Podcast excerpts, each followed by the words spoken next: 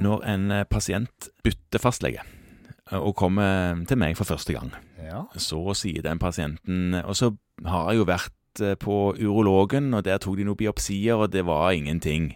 Mhm. Ja, nei vel. Ja, det hadde vært veldig greit å ha den journalen, sier jeg da. Det, og sånn at jeg kan se hva det var de fant, og hva problemstillingen var. Ja, men den har, jo, den har du vel. Nei, den blir ikke overført automatisk, sier jeg.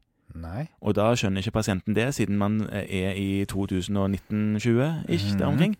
For ting burde jo da skje automatisk. Men det gjør det jo ikke. De gjør ikke det, men det Nei. er noe som heter kjernejournal, som var et slags start på at man skulle ha én pasient, én journal. Ferdig med det. Ja.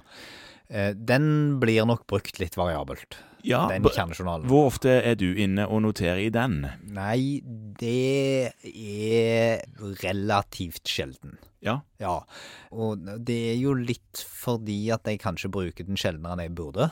Eh, Jeg er innom der noen ganger og ser hva pasienten har fått for lenge siden, altså for tre-fire år siden, som ikke står i min Ja. journal. Og så er jeg av og til inne der for å sjekke hva pasienten faktisk har henta ut på apotek. Ja. Eh, For det kan du bruke den oversikten til. Ja.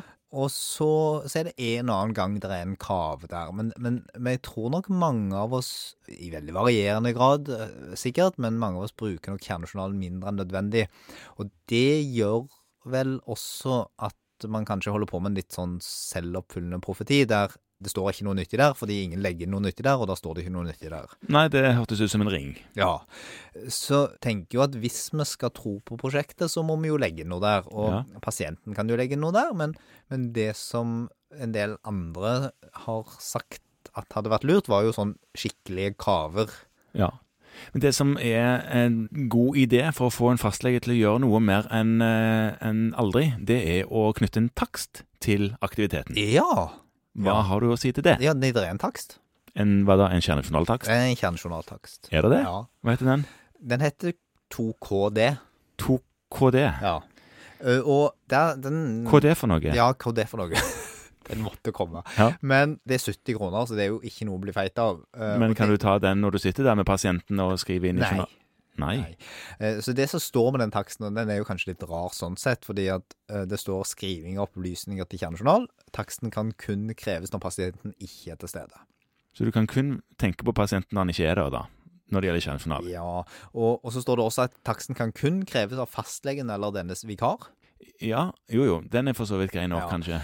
Men jeg tenker det som kanskje er en sånn lite spark til, til meg, da, og kanskje litt til deg, eh, det er jo at hvis du får en eller annen epikrise om at det har vært en ugrei hendelse på sykehuset, og de har fått kompressvæske og holdt på å dø av det, Ja.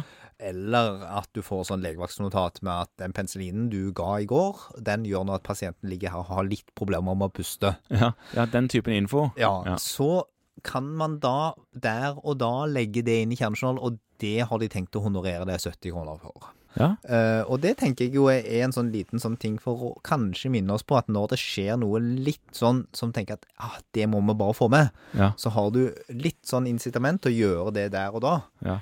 Og kanskje ikke vente på en konsultasjon eller noe annet. For, for den tenker at når pasienten først sitter der, så skal det på en måte dekkes av konsultasjonstaksten og oppdatere det hvis det er veldig avgjørende. Ja, og så kan man jo egentlig håpe på at eh, når epikrisen kommer med den informasjonen om den eh, anafylaksien mot penicillin, at eh, det står i journalen, eller det står i epikrisen, og den som oppdagte det på sykehus, og har lagt det inn i kjernejournalen. Ja.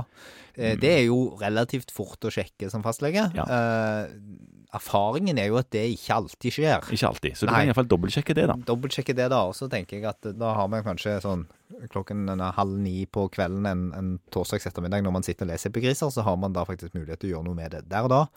Og så- Havn i på kvelden en torsdag ettermiddag. Altså- Ja. Ja, nettopp. Så, ja, men det er vel omtrent sånn døgnet vårt er. Det er fastlegelivet. Ja.